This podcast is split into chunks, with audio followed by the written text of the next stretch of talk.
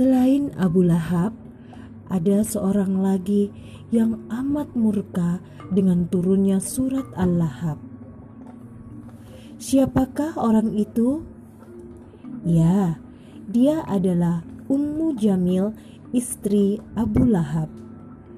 Begitu mendengar bunyi surat Al-Lahab yang disampaikan orang kepadanya, hati Ummu Jamil menggelegak marah.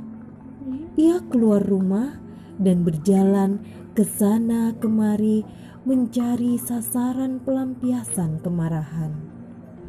Tidak lama kemudian, ia bertemu dengan Abu Bakar. Amarahnya naik ke ubun-ubun. Apa maksud temanmu melantunkan syair tentang diriku? Bentak Umu Jamil kepada Abu Bakar.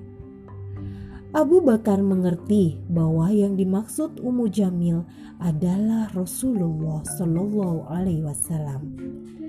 Sebenarnya saat itu Rasulullah Shallallahu Alaihi Wasallam ada di sisi Abu Bakar, tetapi Allah menutupi beliau dari pandangan Ummu Jamil.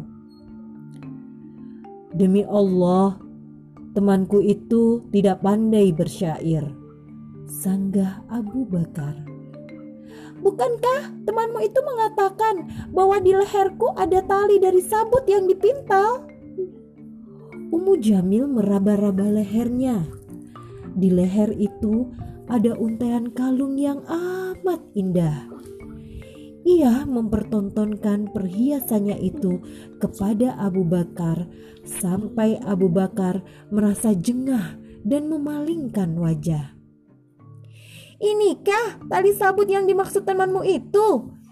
Ejek Umu Jamil sambil tersenyum. Tidakkah ini merupakan tali sabut paling indah di dunia? Umu Jamil kemudian berlenggak-lenggok genit sambil mempermainkan kalungnya. Ia tertawa dengan congkak. Abu Bakar tidak membalas. Beliau cuma memejamkan mata.